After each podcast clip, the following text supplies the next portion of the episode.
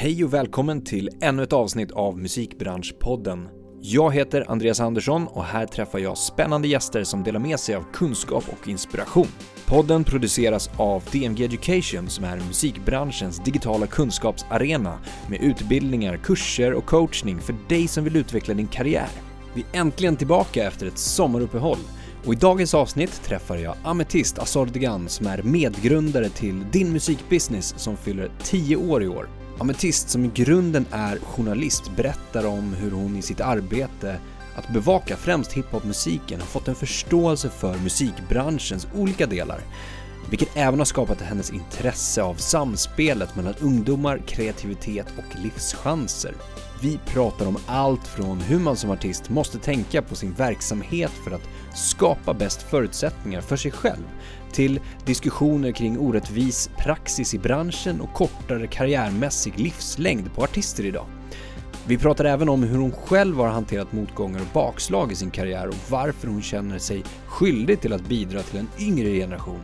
Att bygga så att yngre generationer invandrare får en kortare väg än henne själv. Det här och såklart mycket mer. Välkommen till Musikbranschpodden, Ametist Azordegan. Tack. Hur mår du? Eh, bra, eh, i farten, på, lite på språng, eh, lite stressad. Eh, har liksom eh, tre olika rollers mm, jobb, typ. Springer, tre olika rollers ja, men hoppar jobb. runt mellan olika jobb och verksamheter, jag vet inte. Ja, men det är bra. Det kommer vi säkert in på. Mm. Eh, lite kanske hur du håller dig organiserad, vi får se. Ja. du är van vid det här formatet också? Ja, väldigt. Det här du, är... Det är ju radios, liksom, way back. Ja, precis. Inte för att vara sån, men det här kan jag göra liksom i sömnen, nyvaken. Exakt. men du har ju spelat in podcast också. Eh, jag, eh, jag har gjort, eh, lite grann har, jag, har vi gjort poddar. Eh, men framför allt så har jag gjort eh, väldigt mycket radio, live-radio, tv, tv-soffor, intervjuer i, i, tidningar, press. Det är liksom så situationen där jag sitter just nu med dig är jag van vid. Ja. Är familiar, ja, ja, det är bra. Men du och Adam Tal har ju spelat in några poddavsnitt också. Om just musikbranschen. Ja men jag. precis och eh, eh, Adam kallas för Adam, Adam Tensta, heter Adam Tal, sitter i styrelsen för eh, vår stiftelse, din eh, musikbusiness stiftelse. Just det.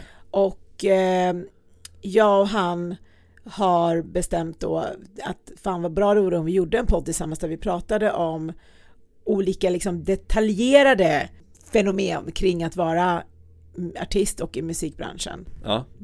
Men du nämnde det, om vi backar lite grann så är du journalist i grunden eh, och eh, mycket, eller framförallt fokus på hiphop. Om vi spola framåt då. Vad, vad, har det här, den här liksom erfarenheten gett kring förståelsen för musikbranschens olika delar? Att just ha bevakat det utifrån? Ja men precis. Jag är ju eh, musikjournalist från grunden och sedan nischade mig inom svart musik och specifikt hiphopmusiken. Eh, och har väl eh, varit en av de få i Sverige som kan hiphopmusiken, hiphopmusikhistorien, kulturen eh, och kan beskriva och förklara den.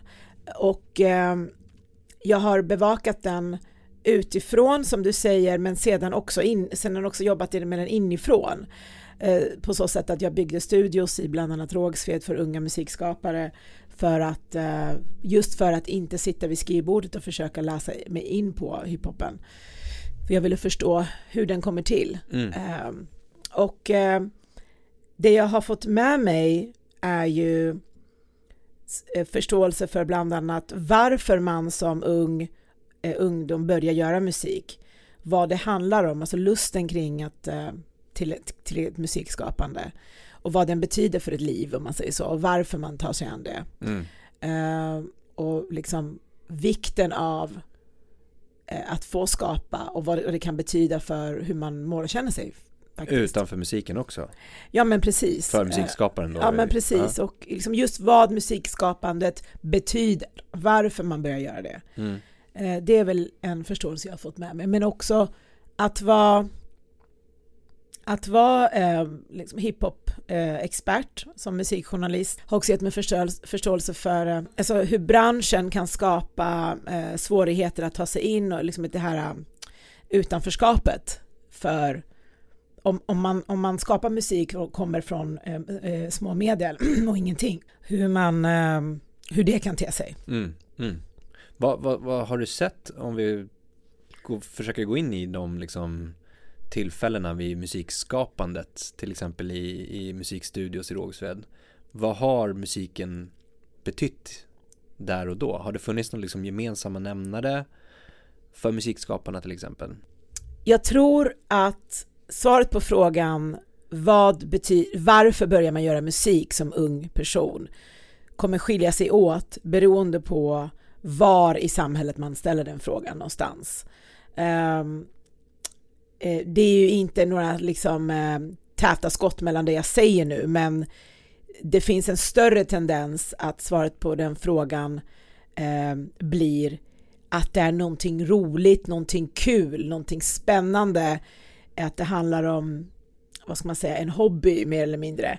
Om man ställer den frågan i de delar av samhället där eh, barn och ungdomar kommer från, vad ska man säga, en ekonomisk trygghet till exempel, på ett sätt och möjligheter och eh, nätverk. Ställer man den frågan i de delar av samhället där man inte kommer från en ekonomisk trygghet eh, och ett så kallat liksom, utsatthet och utanförskap, till exempel i socioekonomiskt utsatta områden, så finns det en tendens att svaret på den frågan oftare blir att musikskapandet handlar om en väg ut från det socioekonomiskt utsatta området. En väg till pengar, en väg till en inkomst, en väg till att skapa sig möjligheter i livet som man inte har. Eh, så här, mer sällan ett, en hobby och tidsfördriv och mer av liksom en nyckel mm. vidare i livet och framför allt med fokus på att tjäna pengar. Sen kan man ju diskutera eh, vad det gör med musikskapandet, alltså formspråket, kreativiteten kring den musik man skapar om man har ett större motiv att det ska bli eh, en källa till inkomst. Mm. Man kan diskutera vad det gör med risktagandet i innovation, att man skapar saker som är helt nya, låter på helt nya sätt. Eh, med det menar jag, jag ser det som att det finns en tendens såklart att om man skapar generisk musik, alltså med det, betyder, det betyder musik som låter som annat som redan är på topplistorna, så ökar man ju chanserna att hamna på topplistorna. När du skapar musik som är innovativ, som låter nytt, alternativt, som har uttryck som inte har hörts förut, du gör på ett helt annat sätt, så är det ju ett risktagande om målet med att göra musik också in, innebär att det ska bli någonting man tjänar pengar på. Mm. Samtidigt som det kan vara en, en, det här måstet. Att det behöver leda till någonting för att jag ska fortsätta ta mig ut inom citationstecken från den liksom situation som jag befinner mig i nu till exempel. Att det kan bli som en slags press mot sig själv kanske. Hur tänker du då? Nej men om, om, om man känner att musiken är liksom en väg ut på något sätt från sin egna situation där man befinner sig och känner att men det här kan till exempel generera pengar och skapa en ekonomisk trygghet. Att det jag skapar nu måste generera pengar. Att man sätter någon slags press på sig själv i det skapande eh, processen. Ja, och, fram, och framförallt så blir det um, så som uh, vi ser det, och med vi menar jag din musikbusiness stiftelse. Vi har jobbat i tio år i år med uh, att uh, ha liksom en kontakt, access och förståelse för unga personer som skapar musik i fram, framförallt i socioekonomiskt utsatta områden. Um, så det, det, det, vi ser är också att, eh, att det finns ett samband mellan att se musiken främst som en källa till inkomst eh, och kort musikkarriär. Mm. Eh, för att musiken är inte en säker källa till inkomst innan man kommer till en, till en nivå som, som kanske ligger tio år fram minst. Och eh, så det är ju, det är liksom inte är där man kommer till en säker inkomst i sitt liv där man kan betala sin hyra och allting som ingår i livet och liksom spara pengar och spara till pensionen och det är liksom, då är det ju inte musiken som ska vara i centrum i början utan man måste ju jobba sig fram till den nivån mm. på olika vis. Så att det finns ett samband mellan att se musiken som framförallt en inkomstkälla och gå in i det av den anledningen att man vill tjäna pengar och en kort musikkarriär. Mm. Eh, av den anledningen, för att då blir man blir besviken. Mm.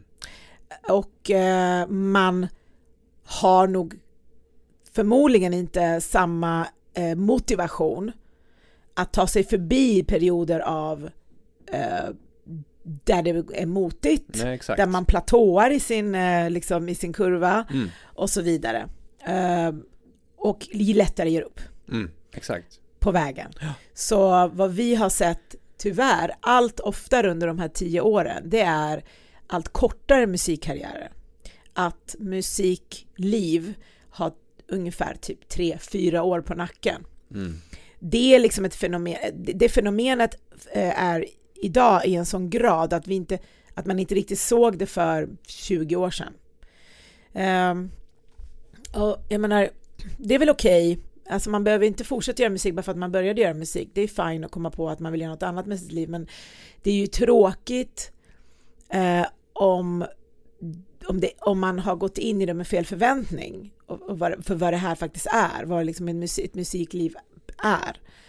Eh, och därför hoppar av. Så vad, vad vi försöker göra i din musikbusiness är också att prata om de här sakerna, liksom att hur ser ett musikkur, musiklivskurva ut? Mm. Hur ser den här livslinjen oftast ut?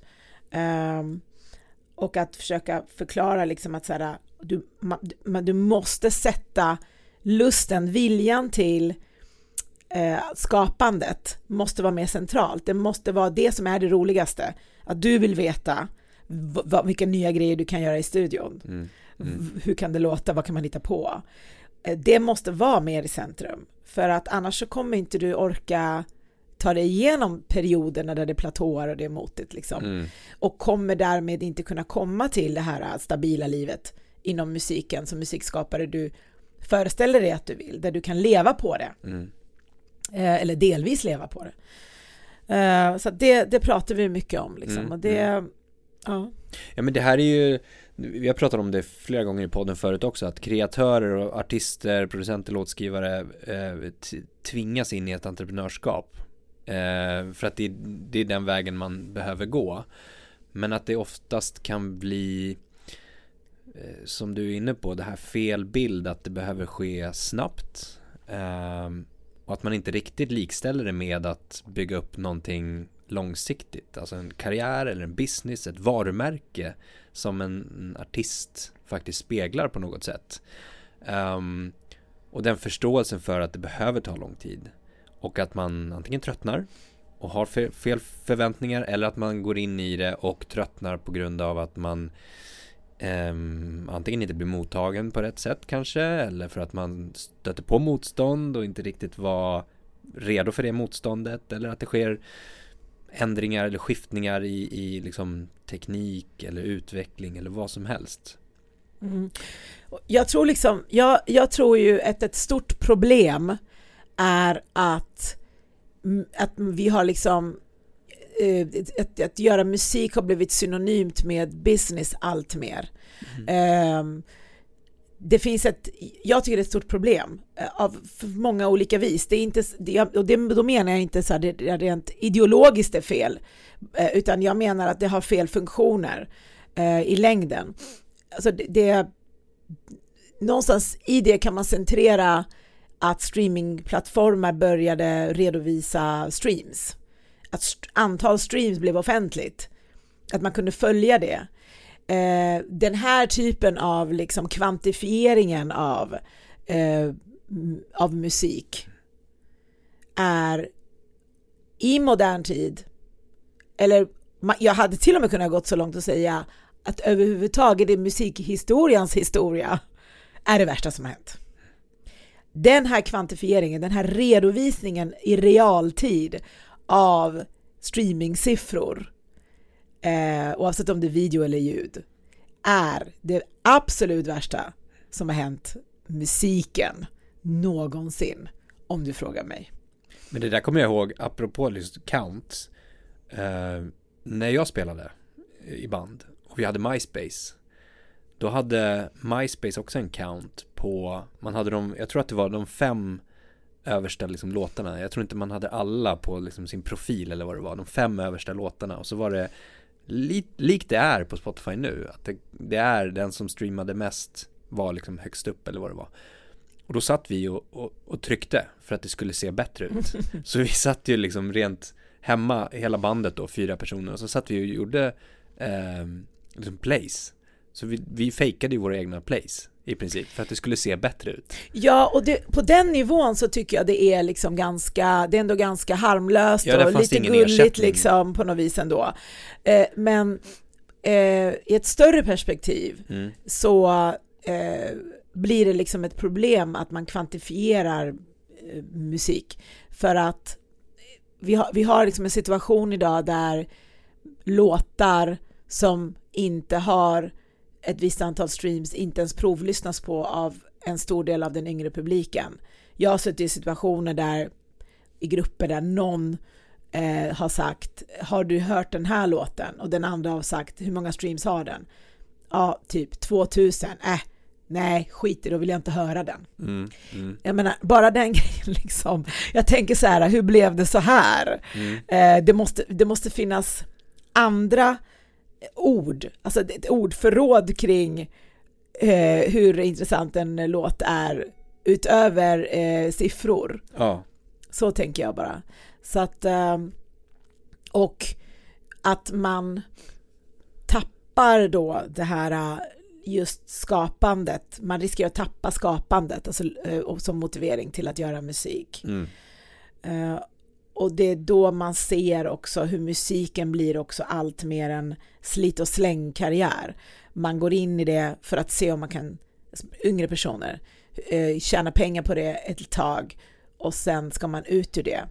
Alltså, det, det här jag säger, det är ju liksom som sagt, det är ingen så här värdering jag sitter här med, utan det är mer att jag, eh, jag, jag ser också hur det finns en risk att vi över tid inte får komma till verk som är intressanta, att det blir mindre och mindre kanske verk, tänker jag, som är innovativa, intressanta över tid. För om alla, om en stor mängd eh, testar på musiken för att tjäna pengar och sen hoppar av efter tre, fyra år, så hur ska vi då komma till de här klassiska verken? Va, kommer det finnas klassiska verk? Eh, eller har vi, har vi redan sett de större mängderna av klassiska verk i musikhistorien? Är de liksom past tense? Mm, mm. Eller så. Mm. Eh, jag, jag, jag, undrar det. Ja. Jag undrar liksom varför har vi så mycket klassiska verk under 70, 80, 90-talet? Um, Sen, sen, vet jag inte, mina klassiska verk blir inte klassiska kanske i stunden utan då blir det 15 år senare efter att de har släppts, typ 20 kanske. Mm, vilket vi får se framöver. Vi får då. se.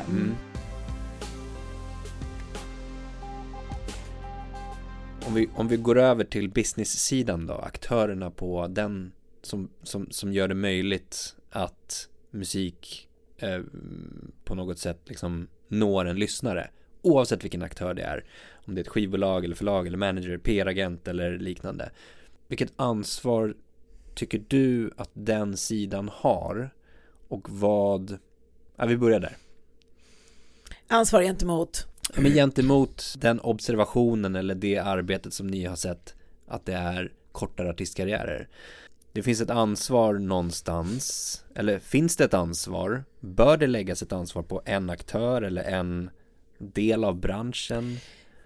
Jag, jag tycker att eh, ansvaret man kan kräva av branschens, musikindustrins sida och dess aktörer gentemot unga musikskapare eh, kan man eh, ur min vinkel eh, eh, applicera främst på unga personer från socioekonomiskt utsatta områden som gör musik till exempel.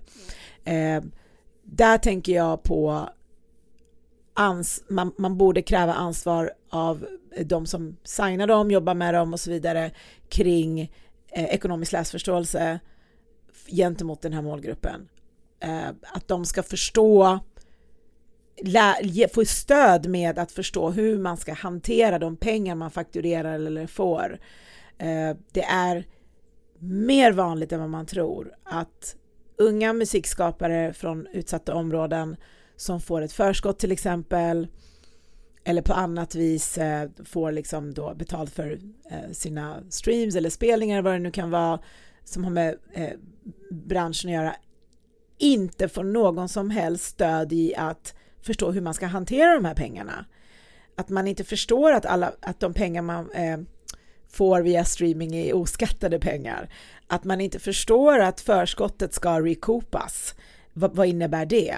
Att man inte förstår att förskott som man får fakturerat eh, är det är inte liksom, vad ska man säga, det är inte dina pengar. Det är pengar som det ska skattas på. Tar du ut lön, alltså använder du pengarna, ungefär lika mycket pengar som du, eh, nu överdriver jag lite, tar ut som lön måste du betala till, alltså det är moms och skatt på det liksom, um, och så vidare.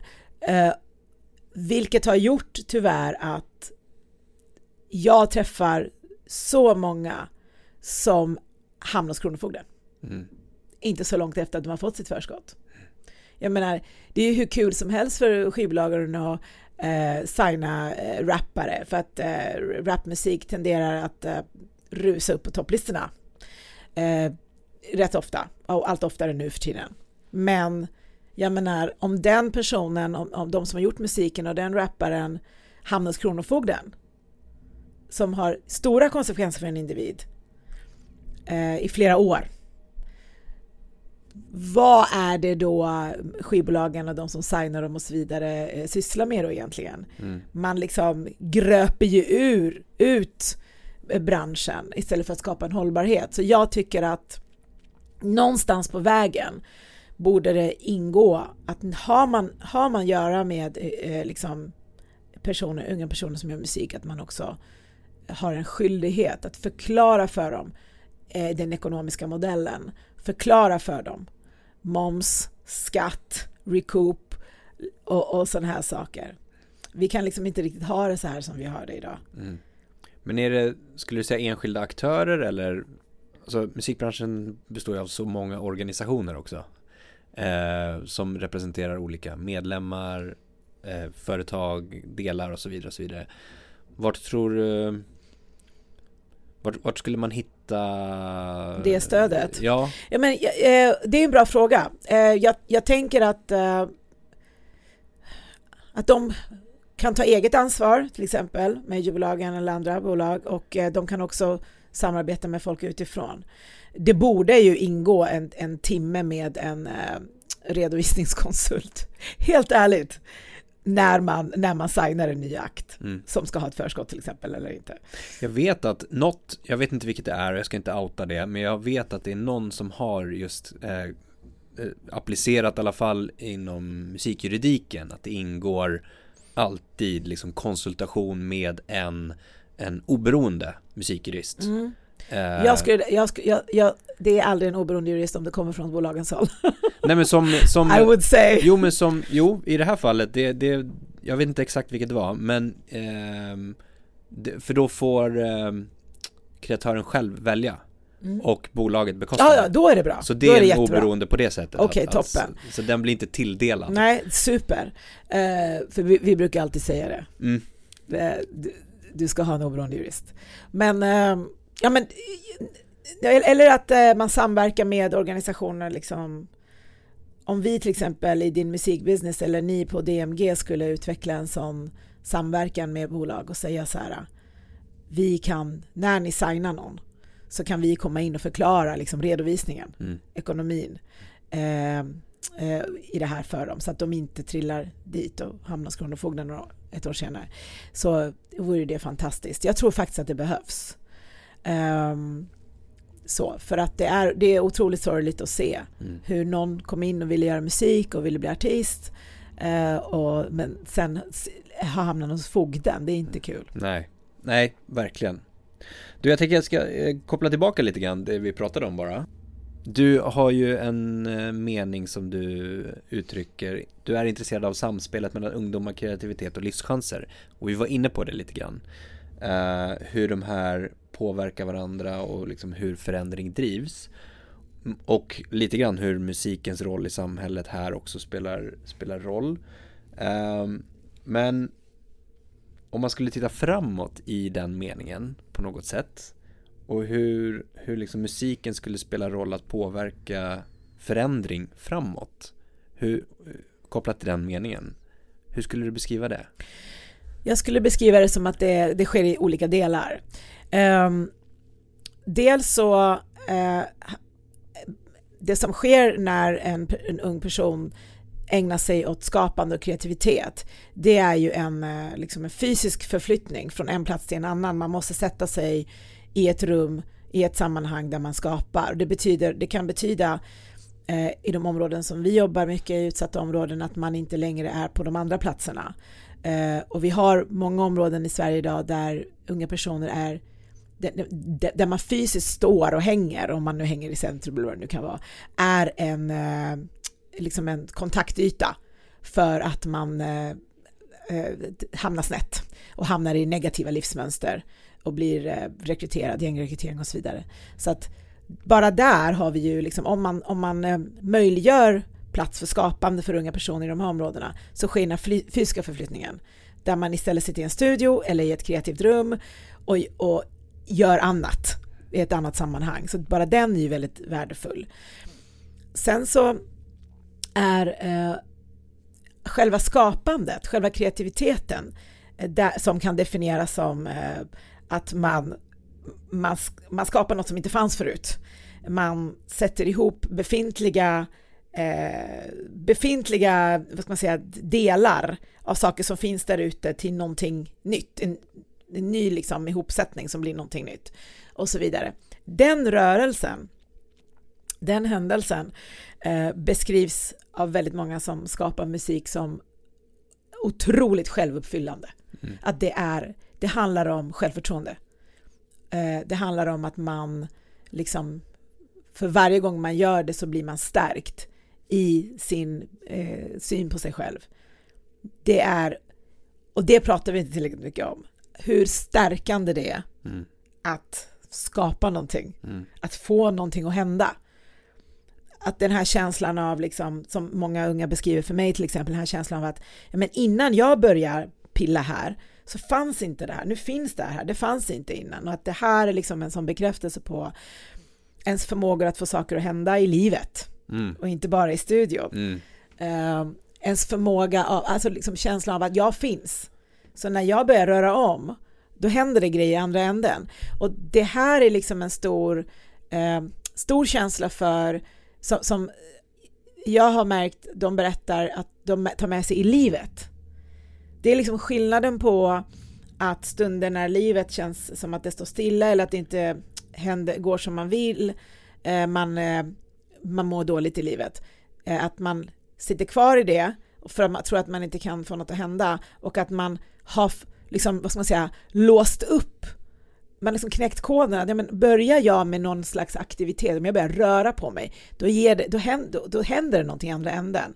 Så skapandet är liksom, det handlar inte bara om musiken eller tavlan man målar eller något, vad man nu gör, utan det handlar om att man, först, att man stärks i känslan av att eh, jag kan få, jag kan generera att saker händer. Mm, effekten som händer liksom. Ja, Eller resultatet av det hos sig själv. Och det är väldigt viktigt för eh, eh alltså, i arbetet till exempel mot psykisk ohälsa, eh, i arbetet mot liksom, depressioner till exempel, så kan det vara väldigt viktigt. Mm. Bra,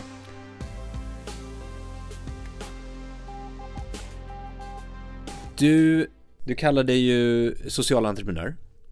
Ja, det stämmer. Ja. Mer nu än musikjournalist. Hur, eh, kort utöver det vi har pratat om din musikbusiness då, vilka projekt är det du jobbar med just nu då? Du nämnde det innan, mm. att du är mm. fullt upp. Jag tyckte förut att begreppet social entreprenör kändes så liksom så här floskel, liksom, vad är det och liksom, är man egentligen entreprenör, vill man göra skillnad, men eh, jag har pratat med andra sociala entreprenörer som sa så här, nej, vi måste få definiera det ordet själv. Vi måste kunna berätta vad det innebär. Eh, och eh, att det faktiskt innebär att man kan bygga verksamheter kring en, en ambition att göra skillnad i samhället och att det är någonting som, är, som får finnas också. Det finns. Ehm, eh, så det jag gör i egenskap av det, det är ju, ja, men delvis är det ju eh, din musikbusiness stiftelse som fyller tio år i år, eh, men också eh, en annan stiftelse där jag, som jag har grundat och ordförande i, eh, det är Joe Studios stiftelse. Och eh, jag kan väl bara säga Eh, det, det, min ambition i helhet, eh, det är att eh, skapa på olika vis genom alla arbeten jag gör som social entreprenör en kortare väg för de som är unga idag än vad jag själv hade. Eh, jag brukar prata med eh, jag, jag, brukar prata med en annan person som jag haft i den här podden som jag ska inte säga vem det är, men vi, vi pratar ganska ofta om att vi som kom hit som eh, invandrare till Sverige under liksom 80-talet, vi har liksom fått ta den långa vägen fram. Det fanns inte så många före oss som kunde visa vägen i hur man manövrerar sig fram i infrastrukturen i Sverige inom de, vilket område som helst. Vi vill komma till en punkt där, där vi har en ekonomisk trygghet, där vi känner att vi arbetar med någonting vi tycker om, där vi liksom känner att vi eh, utvecklas som personer och kommer fram, liksom, och vad det nu betyder för olika personer. Men vi fick räkna ut det själva och det var en himla lång väg. Det var så här trial and error hela tiden, i decennier har det varit trial and error hela tiden. Och eh, man har liksom gjort illa sig på vägen, inte fattat någonting. Och haft en, det var en himla lång väg. Så poängen tror jag för mig är att de som är unga idag, de som är runt liksom tonåringar runt 20 idag, inte ska få ta den långa vägen som vi fick ta. Och jag, vi brukar prata, jag och den här för andra personen, att det är nästan, att man ser det nästan som en skyldighet. Att jag bygger, att jag då som idag är 43 bygger eh, hus eh, liksom plattformar, eh, infrastrukturer, organisationer som minst halverade vägen för de som kommer efter mig. Och, med, och det är väl där jag befinner mig generellt, att liksom, eh, så att alla andra får, det, får kortare väg. Med det här, till den här historien hör ju, bara för att de, de, som lyssnar ska förstå vad jag menar med att vi hade en lång väg, alltså, om, om det inte säger sig självt, är att alltså, mina, föräldrar, mina föräldrar eh, och generellt våra föräldrar, vi som kom hit liksom under 80-talet och eh, 90-talet, våra föräldrar kom hit mitt i livet och började på noll. Fick lära sig ett nytt språk mitt i livet. De är runt 30 liksom och har noll kronor på bankkontot. Jag har bott i nio flyktingförläggningar med min mamma. Man börjar ju liksom inte ens på noll, man börjar liksom på minus och ska försöka förstå sig på infrastrukturen i det svenska samhället. Hur tar man sig någonstans? Det är otroligt svårt det är ett total eh, ingenmansland liksom. Och sen kommer jag då, växer upp här, jag kom hit när jag var eh, nästan sju år, och jag växer upp här så omgivningen är liksom mer normaliserad för mig, så jag har ju drömmar. Min mamma kanske inte äh, vågar drömma om vad hon ska bli när hon kommer hit, utan hon inser väl liksom att så här, okej, okay, jag får bara så här, arbeta med det jag har, och bara försöka hålla ett stabilt, livet stabilt. Medan jag, jag växer upp här, jag vågar ju drömma. Liksom, det finns ju inget tak. Oh my god, jag kan ju, okay, vad vill jag bli då? Men så blir det en krock där bara för att Eh, vi har ju inte föräldrar som kan vägleda oss, för de, har, de vet inte. Vi har ingen vägledning, vi vet inte, och vi har inte heller inte tillgång till någon att fråga. Uh, bara för att mina mam min mammas vänner och alla är ju också likadana. Så att uh, de har inte heller någon koll och vi känner inte folk som är inuti, in, innanför. Som jag, när jag växte upp, då ville jag ju, jag ville ju bli, jobba med media, som det hette. Liksom. Man förstod inte så mycket med när man var liten. Jag känner ju ingen som känner någon som känner någon som är innanför. Så att eh, det har varit en lång resa. Eh, väldigt många eh, invandrare liksom på ett sätt så här totally exhausted exhausted. Eh, men, eh, men speciellt någon som mig, mig tittar man ju på och säger så här, ah, men hon är ju framgångsrik. Ja, jag är exhausted för att komma hit. Eh, och då tänker jag så här, mitt enda mål, hur gör jag så att de som är yngre än mig inte får ta den här långa, eh, motiga vägen som mig. Att man skapar liksom eh, genvägar och stoppar in så mycket information som möjligt i dem tidigt som möjligt och nätverk och know-how eh, så att de ska ha det lättare. Mm. Vi måste göra så. Det, jag ser det som en skyldighet, liksom, att man inte bara bygger för sig själv i, i min, mitt, mitt läge utan bygger också eh, för sig själv men också för, för de andra. Och det, det är allt jag gör egentligen. Det var också det jag gjorde som hiphopjournalist. Det var också hela poängen när jag liksom ville göra, bli programledare för det som senare blev eh, fortfarande Sveriges största radioprogram om svensk hiphop specifikt så handlade det också om det. Jag tittade runt mig och bara så här, men gud, det finns så mycket artister som helst. Det här är då eh, typ 2006, okej, okay, som är, gör den här musiken, men de spelas inte i radio. Okej, okay, hur kan jag bli en biljett in? Mm. Alltså det är ju fint, jättebra. Men det är inte självklart att du ska göra det. Men du känner att du har den skyldigheten på något sätt ändå. Jag tror att eh, jag känner att jag måste göra det och har gjort samma arbete egentligen sen jag blev journalist. Att det här är med att ja, man blir själv en dörr in för andra och bygger ett hus så andra kan snabbare ta sig vidare än vad jag fick göra. Eh, jag tror att det beror på att det i grunden ligger Ehm, en, en stor medvetenhet om hur svårt det har varit, en eh, sorg över hur jobbigt det har, svårt det har varit eh, att vara här som iranier, typ. Eh, där vi är inte bara iranier utan som liksom invandrare.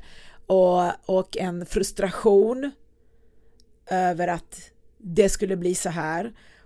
Och en, en eh, vad ska man säga, och, men också en så här stor så här, besvikelse över det man inte har, det man har tappat. Eh, jag, jag, jag, jag fick ju inte växa upp i Iran i, där jag liksom är omgiven av min, vad ska man säga, min ursprungskultur. Allt det här tillsammans skapar liksom en så boll av eh, en boll av som, för mig har det varit så antingen, den här, antingen gör den här bollen att jag går runt och är eh, ledsen och bitter eller så använder jag den som en motor. Och sen är väl olika hur olika personer fungerar. Jag som person är otroligt envis och eh, har förstått tidigt i livet att jag kan få saker att hända. Eh, om man lägger man ihop de grejerna så finns det nästan ingen annan väg än liksom att man bygger. Mm. Bygger och rör sig framåt. Eh, så det grundar väl sig på vem man är som person. Liksom. Jag är liksom personligen en sådan individ där jag eh, vägrar ägas utan behöver liksom äga min, min, min situation. Ja men det, jag tänkte på det också när du pratade om det, alltså att det, man kan ha viljan att vilja driva igenom någonting, förändra någonting, att bidra men det är ju handlingen som faktiskt skapar förändringen på något sätt också. Och det är den, den drivkraften och genomförandet som måste till. Ja, och i mitt fall så handlar det om ägas eller bli ägd. Så ja. det, det um, och eh, jag, jag upplever i mitt fall, jag är liksom också så här, man får tänka på att jag är liksom den typ av invandrare som inte är född här, jag gick i skolan i Teheran liksom.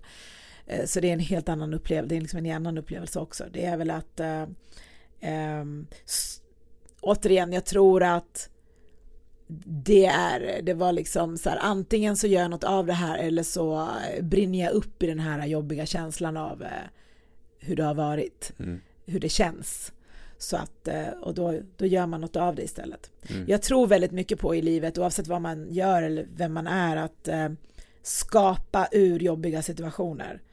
Eh, sen om det handlar om att man skapar en låt, målar en tavla, skriver en dikt eh, eller bygger, en, eh, bygger ett bolag, startar verksamhet. Att bygga ur det som man känner inte är bra är eh, helt fantastiskt. Och det uppmanar jag alla unga som jag har jobbat med genom åren också. Liksom, Okej, okay, det här är jobbigt. Vad kan du bygga? Vad kan du skapa ur det? Mm. Så.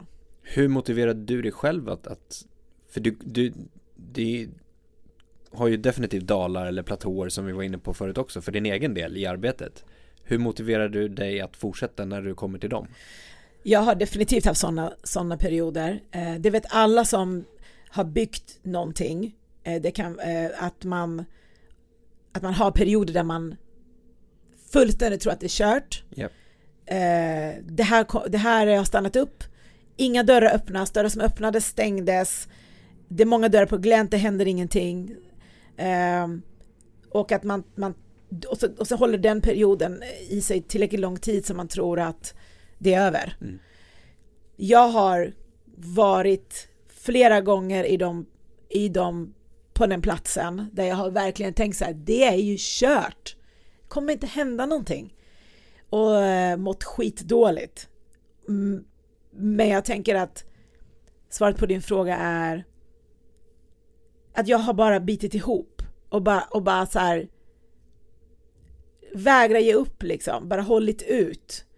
Eh, jag har inget bättre svar på det, utan jag brukar säga till många, till exempel aspirerande musiker, att du kommer stöta på de här platåerna. Det händer ingenting, du har ingen eh, kreativitet, du är inte inspirerad, det finns inga dörrar som öppnas, de andra har stängts, du har inga pengar på kontot. Okej, okay, jag går och gör någonting helt annat, men det ligger en nyckel i uthållighet det är ett begrepp som man måste ha med sig. Mm. Uthållighet. Mm. Men man kan inte bara ha uthållighet genom att gömma sig hemma och inte göra någonting, utan eh, det man måste lägga på uthålligheten, det är addera. Alltså man måste, eh, alltså rörelseenergin i, vad ska man säga, i att ta sig förbi perioder där man känner att det är kört, skapas av att man stannar kvar i situationen och adderar någonting. Mm. Eh, det finns en stor nyckel i eh, aktivitet. Man måste röra på sig. Eh, och, ni vet som en, du vet, som en fisk som hamnar liksom utanför vattnet, den, den sprattlar ju. Mm. Den sprattlar för att den tänker så här, okej okay, jag måste tillbaka. Så att man måste sprattla. Så att um, man måste addera något. Mm, mm. I praktiken så kanske för många som lyssna på den här podden handlar om att skicka ett till mail. Mm. Ett till mail är ett till mail. Ring någon till. Gör något mer. Jag vet inte, gå på ett mingel. Gör, du måste addera. Eh, eller kom på en ny idé. Vad kan jag göra utöver det jag redan gör? Mm. Så. Och kanske också sätta det i relation eller gå tillbaka till tidigare eh, liksom erfarenheter eller, eller eh, tidpunkter när man har stött på det behöver inte vara jätteomvälvande, det behöver inte vara en platå eller ett, ett bakslag. Det kan vara något jättelitet som inte gick som du tänkte. Eller du stannade upp i utvecklingen eller whatever. Du löste kanske inte ett matteproblem som läraren sa till dig men på något sätt så gick livet vidare. Och, och på något sätt så lärde du dig kanske någonting nu var matteproblem var jättedåligt exempel känner jag när jag pratar om det men jag tror att du förstår vad jag menar att sätt i att men jag har tagit mig ur sådana här saker tidigare hur gjorde jag då? Ja men jag adderade någonting kanske Om det var att göra någonting annat, gå och röra på sig, sprattla eller whatever eh, Och motiveras av det till nuläget att då kommer jag kunna ta mig förbi det här också och det stämmer, jag håller med. Eh, så det är liksom kombinationen av att hålla ut, stanna kvar, addera. Mm. Men jag vill också säga, eh, jag har ju också lärt mig hur himla viktigt och bra det är att eh, prata med andra. Ja. Alltså liksom eh, man gör oftast inte det när man är i de här perioderna där ingenting funkar. Så gör man inte det, man har en tendens att låsa sig som människa för att man är liksom ledsen i grunden. Um, och man vill bara liksom låsa sig. Men att uh, prata med andra, ring och, ring och berätta om ditt läge uh, och bara höra vad någon annan säger, prata med dem. Mm. För det är oftast också inte, oftast handlar det heller inte om vad man får för råd tillbaka utan det handlar om när man hör sig själv berätta som man kommer på liksom, mm. vad man vill göra eller bör göra. Så att, äh, att söka sig ut och snacka med folk, ringa folk eller så våga, mm. våga göra det. Och underskatta inte hur mycket andra människor gillar att känna sig viktiga och äh, att man är till hjälp. Eh, väl, där man tror oftast när man ber om stöd eller så att man är till, man är bes, till besvär och jag, jag kan inte ta den här människans tid. Men man underskattar att eh, människor brukar vilja känna sig som den smarta i rummet, behövda, kompetenta eh, och viktiga för någon annan. Så, utgå från det och mm. eh, hör av dig till folk. Helt rätt. Du, jag tänker att vi ska gå in lite grann på, vi har, vi har pratat kortfattat om så här, kortare karriärmässiga livslängder på artister.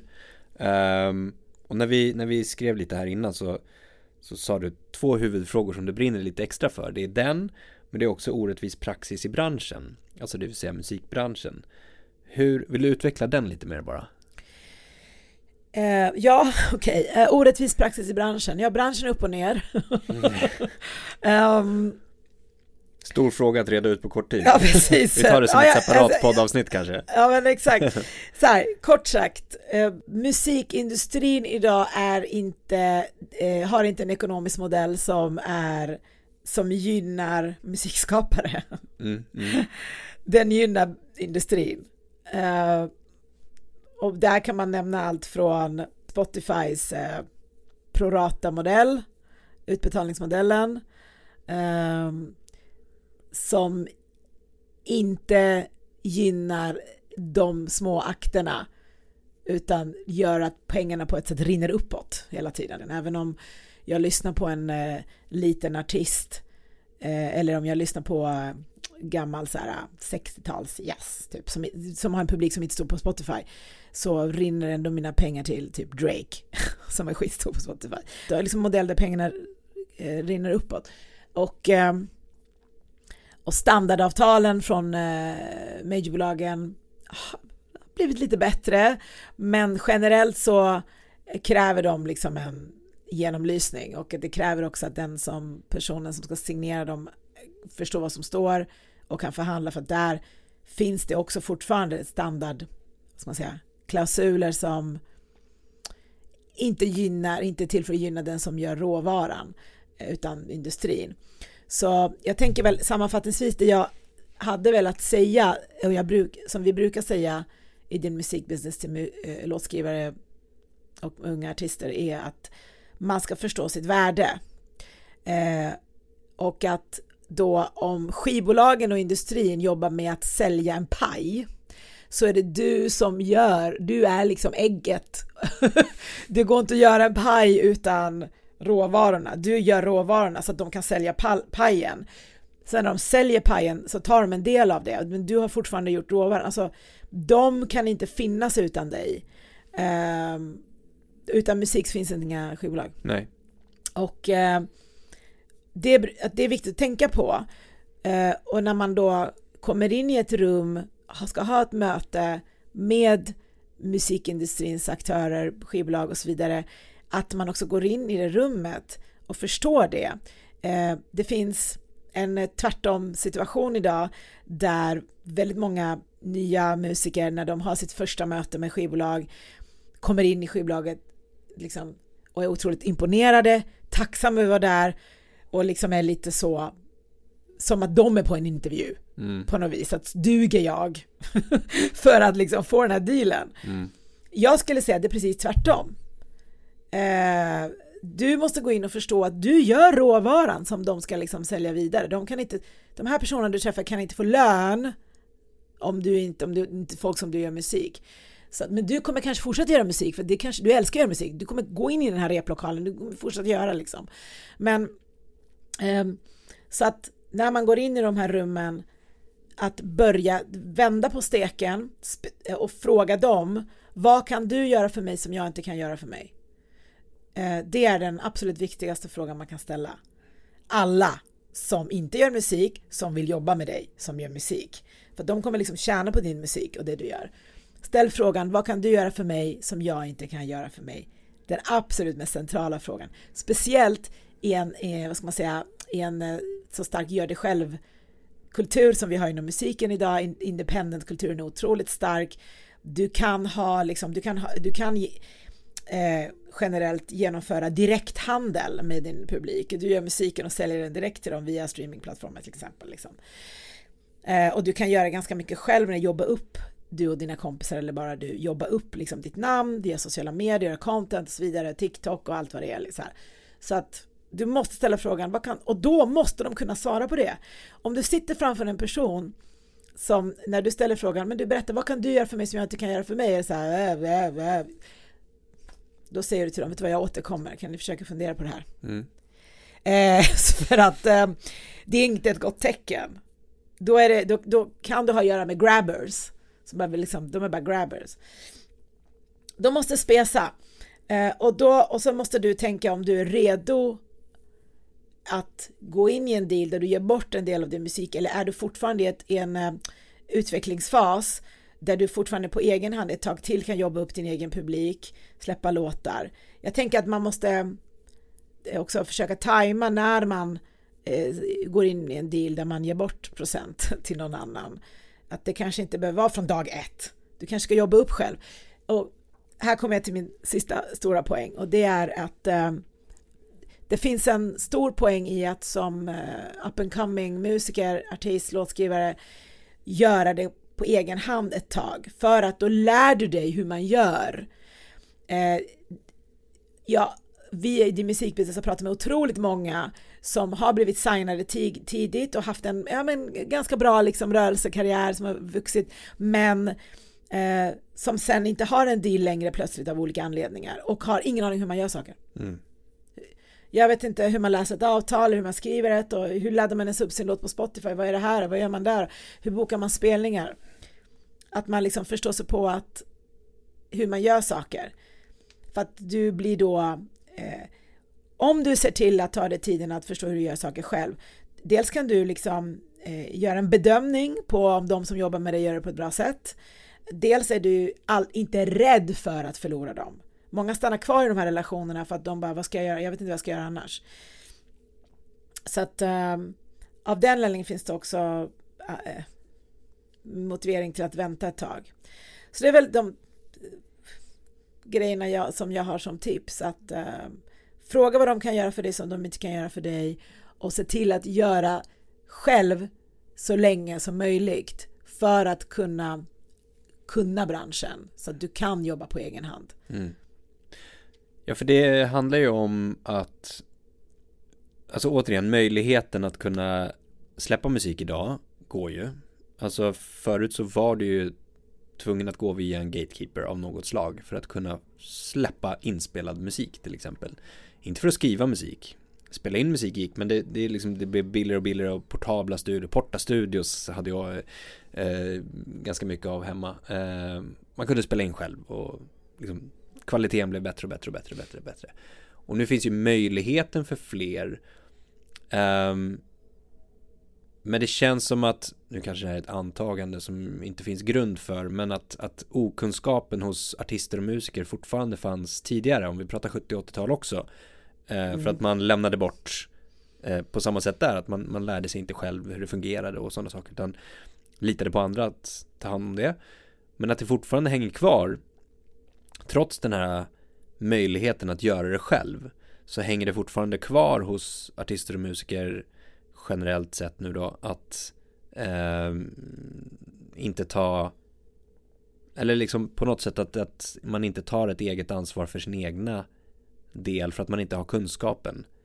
Eh, jag vet inte riktigt vad jag vill komma med det här men jag tror att du förstår vad jag menar. Att, mm. um, Ja, det har alltid funnits en grad av, eh, vad ska man säga, beroende från eh, artister och eh, musikers sida gentemot aktörer från industrin. Så eh, tror jag. Men det, har heller, men det har aldrig funnits så många möjligheter att förstå hur saker funkar som nu. Exakt. För att man kan utöva direkthandel liksom, till sin publik. För att man kan göra väldigt mycket själv ett bra tag innan man gör sig innan man kan, när man lutar på, lutar på någon annan. Så att, men det här är en grej som jag har återkommit till med de unga personer som vi jobbar med, att säga till dem så här, även om du har en manager, många, många börjar ju med sina kompisar som managers, mm. liksom, vilket inte alltid blir så bra heller. Nej. Jag brukar säga om din manager inte kan eller vill ta reda på om hur branschen fungerar bättre än dig, då har du ingen manager, då har du en polare liksom, och då kanske du ska fundera lite eller ställa krav. Men eh, jag brukar säga även till de som har managers att du har inte råd att tyvärr låsa in dig i studion och bara tänka på det kreativa. Mm. Du måste se till att sitta bredvid och titta på varenda grej första två åren i alla fall.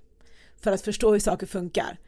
För att de här relationerna eh, liksom bryts ju allt oftare, oftare än vad de är, blir 15-åriga relationer. Mm. Du vill inte sitta där när du inte jobbar med den här personen längre och inte vet hur du ska göra saker. Mm. Du är skyldig dig själv att ta, sitta bredvid och se varenda detalj. Allt från så här, hur laddar man upp sina låtar? Mm. Vi, vad, vilken är den här mailinglistan som vi mailar ut låtar? Jag vill också jag, ta en kopia på mailinglistan.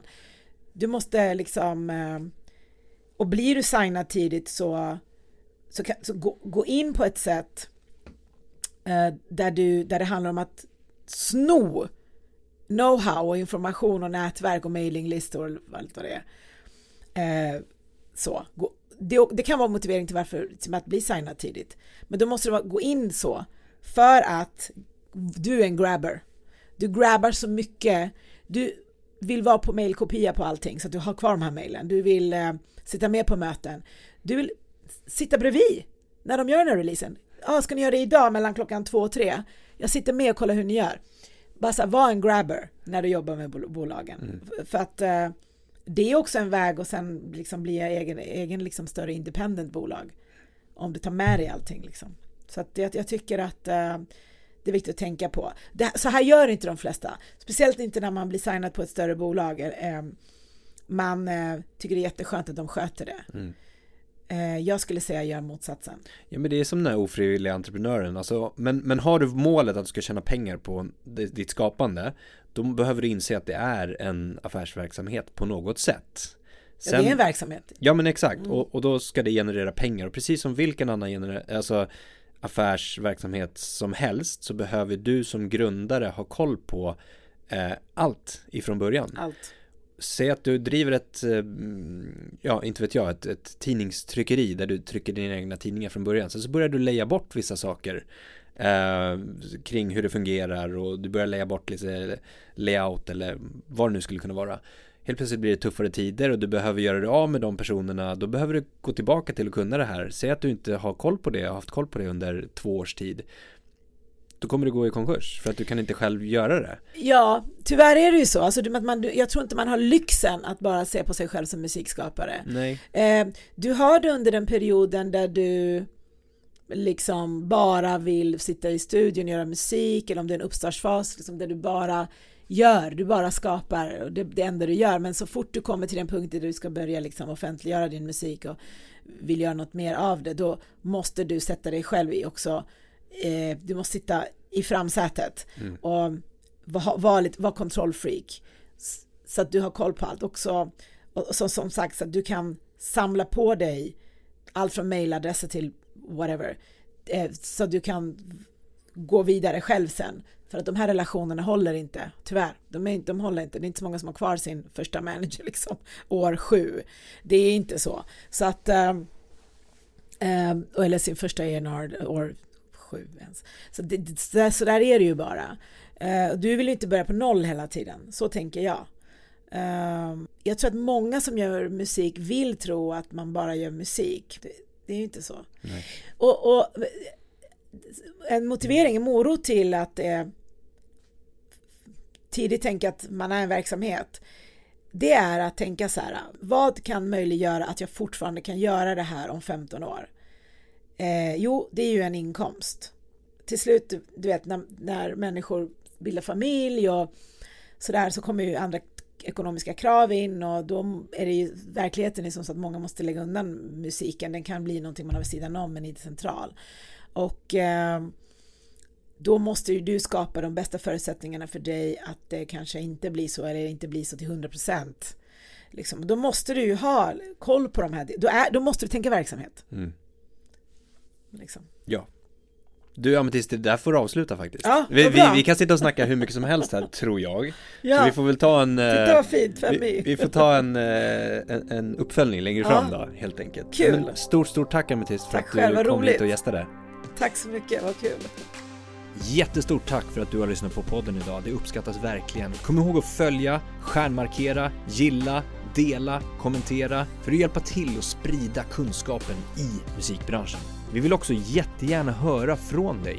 Vilka utmaningar står du inför? Vad tycker du är svårt? Vad tycker du är lätt? Vad vill du höra? Vad vill du veta? Vad vill du lära dig? Hör av dig till oss på info at dmgeducation.se. Tack för idag och ha en fortsatt härlig dag.